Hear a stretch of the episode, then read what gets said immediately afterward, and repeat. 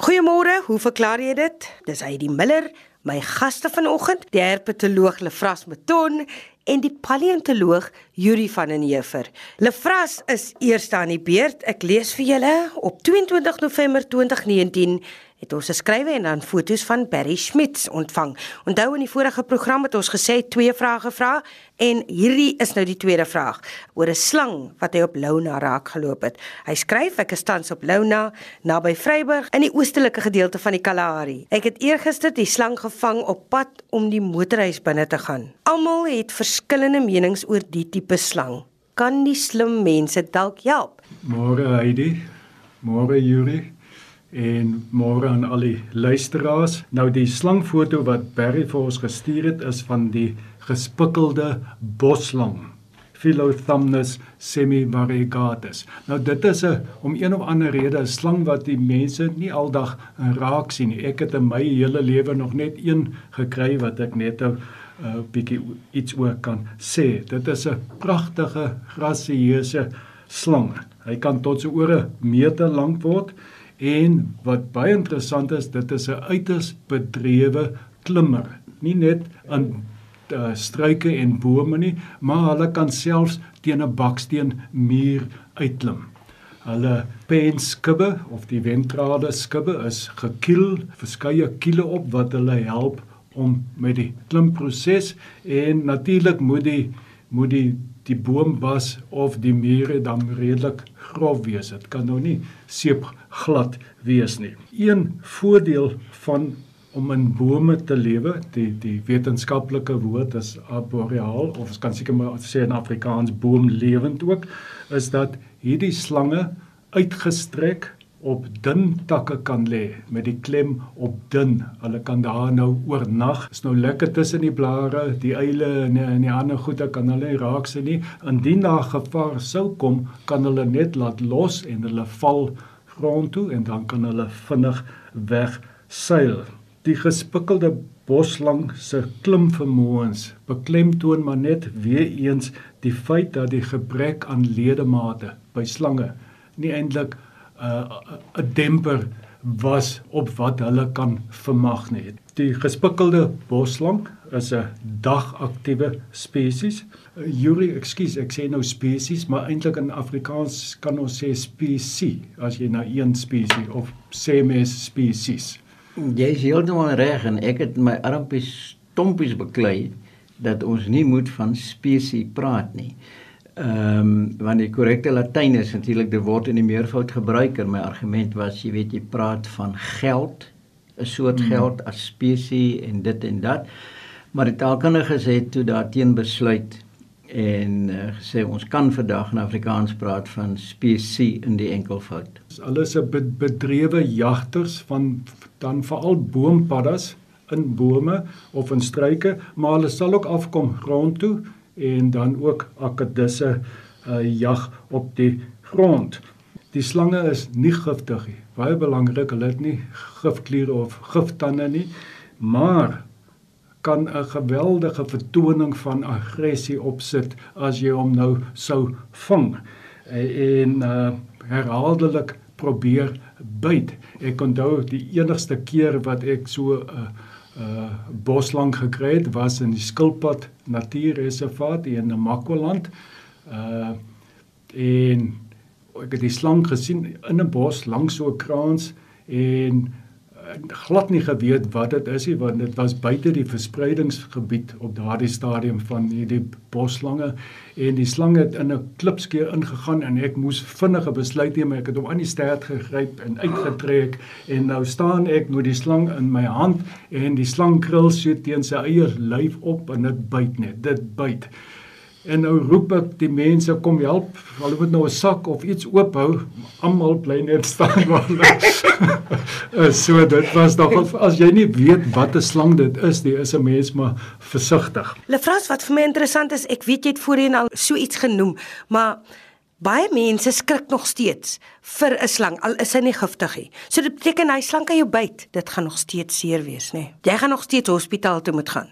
Nee, uh, nee, kyk, ons kry klein slangetjies, ons kry massiewe slange soos 'n luislang, as 'n luislang jou moet daai tande van hom bykom, dan gaan jy dit weet. 'n Molslang kan vir jou 'n liderlike byt gee. Hulle is almal skadeloos, maar die kleiner slange, huisslange en so meer, ja, hulle byt jou maar dit is jy gaan nie eintlik weet jy's uh, gebyt nie. Nee, dit is nie slangbyt beteken nie hosp, hospitaal toe jaag nie. Mm. Dit is net die groot slange, natuurlik giftige slange, dan moet jy maar by die hospitaal uitkom, maar die ander hang af maar van die van die grootte van van die slange.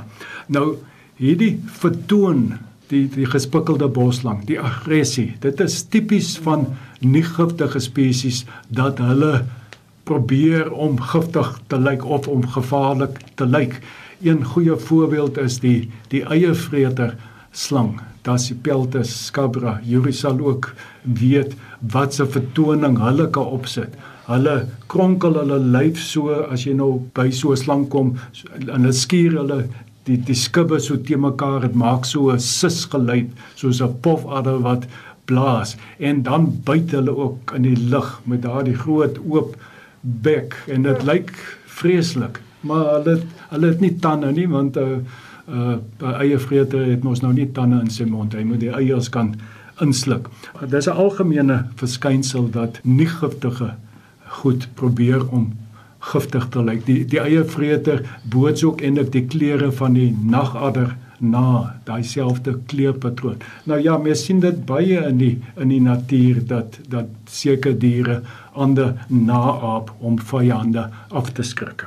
Die gespikkelde boslang het 'n uh, enige wye verspreiding in Midde-Afrika, maar in Suid-Afrika is dit beperk eintlik die suidoostelike kusgebiede op langs die KwaZulu-Natal se kus en dan wes, uh, weswaarts deur die binneland tot ja Noord-Kaap en die Kal Kalahari omgewing. En dan bo vanuit Afrika kom daar so dun verspreidingsgebied afwaarts deur sentrale Namibië tot in uh, Namakwaland die boonste deel van Namakwaland. Die genus Philothamnus waartoe die groenslange behoort uh, bevat sowat 19 spesies uh alles almal beperk tot uh suid van Sahara. Die die genus ons praat in die algemeen van die groen slange. Ek het nou vergeet om te sê hierdie ehm uh, gespikkelde boslang is ook die agtergrondkleur is so groen kleur en dat hy nou die spikkels op swart spikkels. Maar die meeste spesies dan is groen van kleur en ek dink vir 'n slang om hierdie groen kleur te hê is nie 'n goeie ding nie want daar's van die gevaarlikste slange in Suid-Afrika die groen mamba, die boomslang ook uh het ook 'n groen kleur. So ek dink baie van hierdie onskadelike groen slange word voor die voet doodgemaak omdat hulle aangesien word as 'n moontlike groen mamba of 'n boomslang. So Barry, ja, ek dink jy was bevoorreg om hierdie uh slang waar te neem die uh, gespikkelde boslang dit is die alle mense wat hulle raak sien is waarskynlik omdat die slange baie tyd in die bo in die in die bome en die bosse deurbring. Jou storie oor slange wat uh, die vermoë het om teen skurwe oppervlaktes uit te klim herinner my en ek weet nie jy sal dit miskien nog onthou dit was nie so 'n groot insident in die departement nie.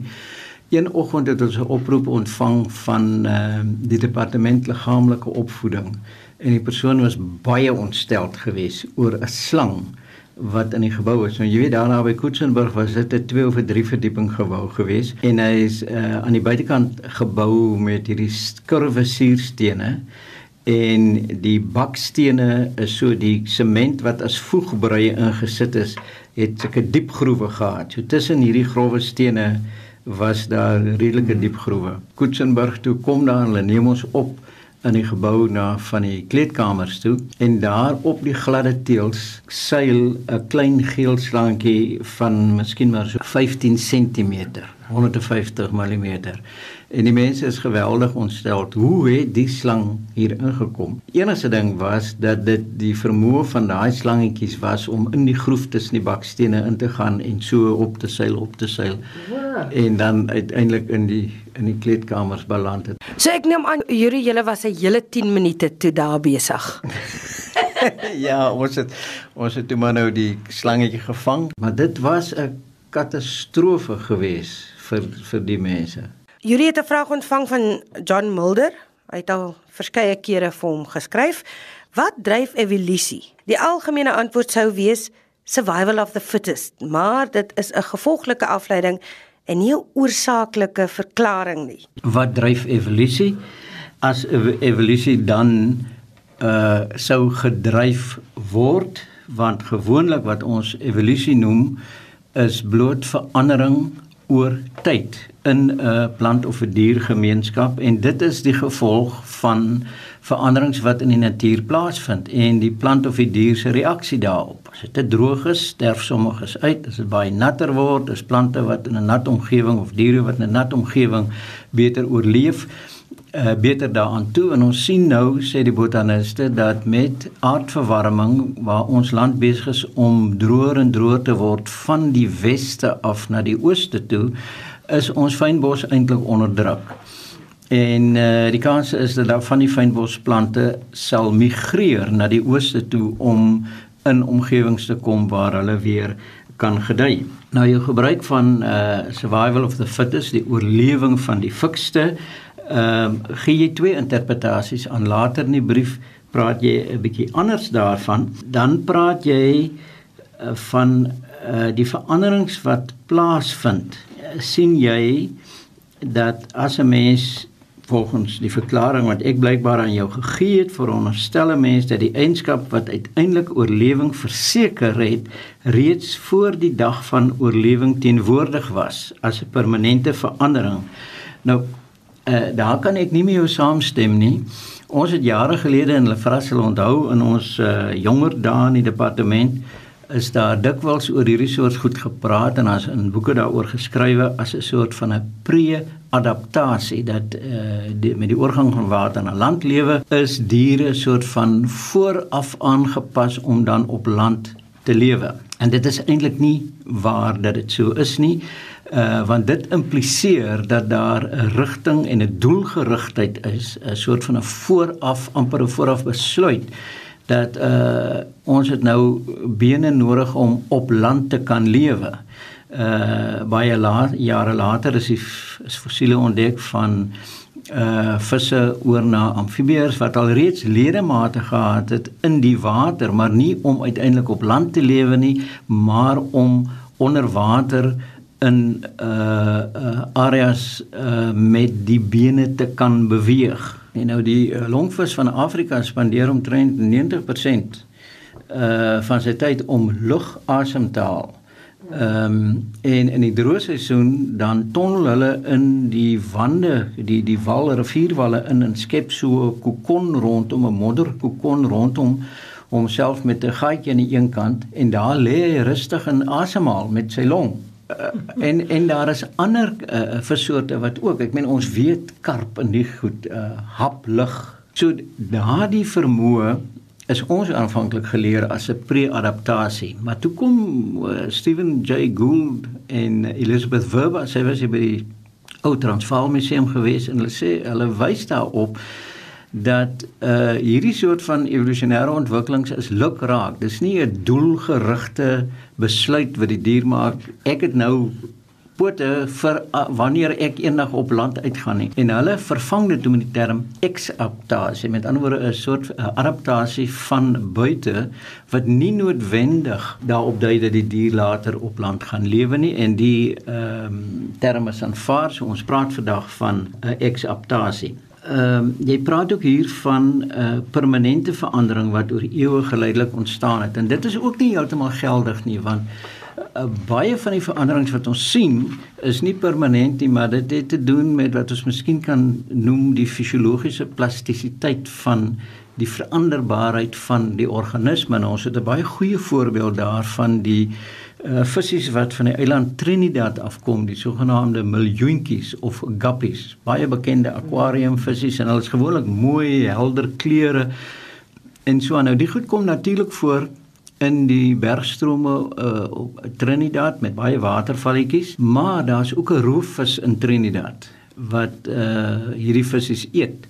Maar die uh, miljoentjies kom in die hele lengte van 'n rivier voor want hulle kan oor die watervalletjies kom terwyl die roofvisse nie kan nie. Hulle is net in die gedeeltes van die rivier nader aan die monding teenwoordig. Die gevolg wat 'n mens daar sien dat in die boelope van die riviertjies waar daar nie roofdiere is nie, is die miljoentjies pragtig helder gekleur. Hulle is ook groter.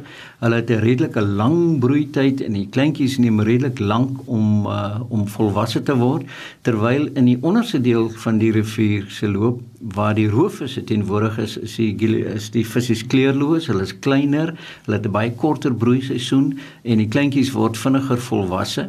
So dit is as gevolg van die teenwoordigheid van die van die roofvisse. En toe sal twee Amerikaanse navorsers, hulle het natuurlik genoeg geld gehad. Hulle het in 'n laboratorium, ek dink dit was in Kalifornië, so 'n riviertjie gerekonstrueer. Miljoentjies ingebring, hulle die roofvisse ingebring en hulle het oor 'n periode van 11 jaar het hulle hierdie verskynsel bestudeer dat wanneer die miljoentjies naby die roofvisse is, dan verloor hulle hulle kleur en as hulle nie onder predasie is nie, dan is hulle hierdie helder kleurige vrolike visse. So hulle het die fisiologiese kapasiteit om kleurverandering te ondergaan want ek ek sê dit want jy gaan later oor vir kleurmannetjies uh ook vra.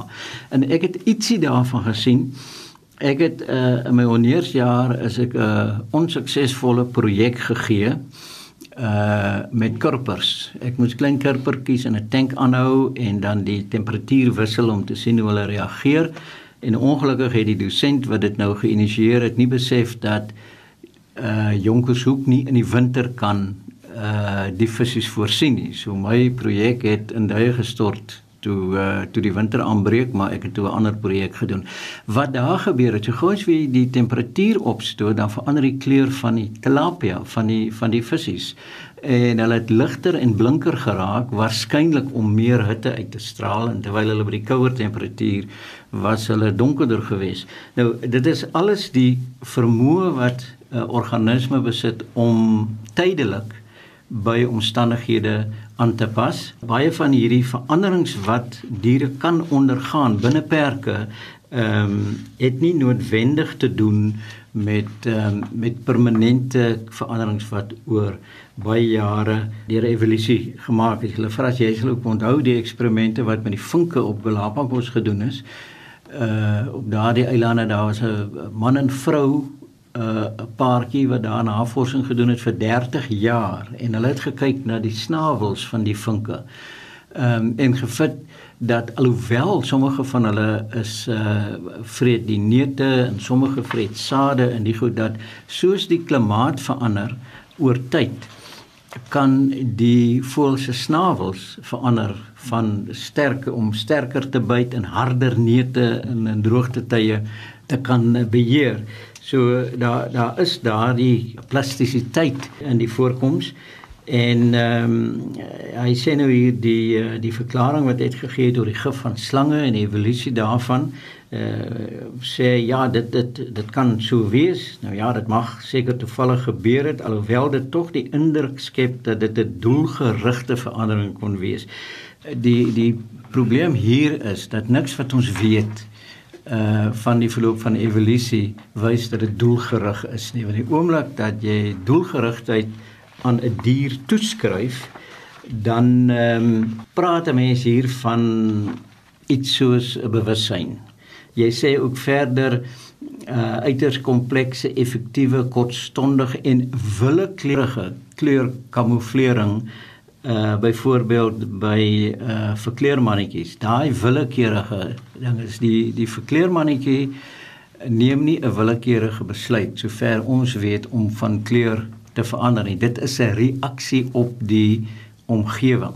Die oorwegende opinies in die geval en daar's 'n baie oulike boek van uh die filosoof Daniel Dennett, uh Consciousness Explained en een boek wat ek dink enige iemand werklik wat belangstel in die goed moet lees is 'n nou 'n 2019 boek van die primatoloog Frans de Waal waar hy juis oor hierdie goed skryf en die boek se naam is Mama's Last Hug. Dis 'n sjimpansee wat hy 'n verhouding mee gehad het in die goeie sin oor 'n tydperk van 40 jaar en die reaksie wat sy toe met haar mentor gehad het op haar sterfbed. En hy praat juis oor hierdie goed wat uh mense eintlik nie emosies en bewussyn aan diere toeskryf nie, veral aan primate nie en dit kom alles van die ou idee van die Franse filosoof Silman uh, Descartes wat hy gesê het diere het nie 'n siel nie en mense het 'n siel en daarom is diere net bloot outomatiese reagente op die omgewing en toenemend wys die navorsing nou dat daar is diere wat bewus is uh van allerlei goed. By diere, nou ek hou nie daarvan om sê laer af in die hiërargie nie want baie diere is baie meer gespesialiseer as ons uh blindworms byvoorbeeld, maar uh hulle tel al hierdie nuances op. En jy kan natuurlik gaan en dan sê maar kyk as jy 'n lig skyn op 'n bakterie dan swem hy weg. Het hy dit nou besluit of sit 'n reaksie op die lig? En uh, so Daniel Dennett het 'n het 'n uh, uitdrukking daar wat hy sê dat uh, hierdie hierdie diere het kompetensie sonder insig. Hulle kan oorleef in die omgewing, maar ons sien nie die besluitneming in die goed wat uh, wat uh, jy van praat nie, maar ek dink wat miskien 'n bietjie meer kritiek verg is wanneer jy sê om te veronderstel dat sodanige eienskap deur oorlewing van die sterkste tot stand gekom het is ook nie 'n verklaring nie. Nou ja, dit is nie 'n verklaring nie want dit gaan nie oor die oorlewing van die sterkste nie. As ons praat van oorlewing van die fikste, bedoel dit op geen manier, maar geen manier die oorlewing van die sterkste nie. Die werklike definisie is dat oorlewing van die fikse beteken die organisme wat in die volgende geslag die meeste vrugbare nageslag lewer. Nie die sterkste nie, want as ons nou kyk na muise en kakkerlakke en en hasse en die soort van goed, hulle teel asof dit uit die mode raak. Maar dis beslis nie die sterkste diere wat ons van weet nie. So daar is 'n miskonsepsie nou nog wat mense dink dit gaan oor oorlewing van die sterkste, die ou met die grootste AK47. Dis nie die biologiese definisie daarvan nie. Dit beteken diegene wat die meeste en dit moet vrugbare nageslag in die volgende uh, geslag lewer as ek moet uh, finaal sê dan sou dan sou ek sê dat voordat 'n mens sterkstellings maak soos willekeurige kleurkamouflering en die soort van goed gaan die eerste vraag wees waar is jou bewyse want uh meeste van die uh feitelike data wat die wetenskaplikes aanbied is getoets, dis bewese of eksperimenteel bevestig sodat 'n mens met 'n groot mate van sekerheid kan sê ons dink dit is hoe dit op die oomblik gebeur. Mag in die toekoms bietjie verander, maar as jy met 'n stelling kom en ek weet ek oordryf nou uh soos vandag sê die maan is van kaas gemaak, gaan die mense jou nie glo nie want jy moet om beter wetenskap te doen, moet jy beter bewyse hê.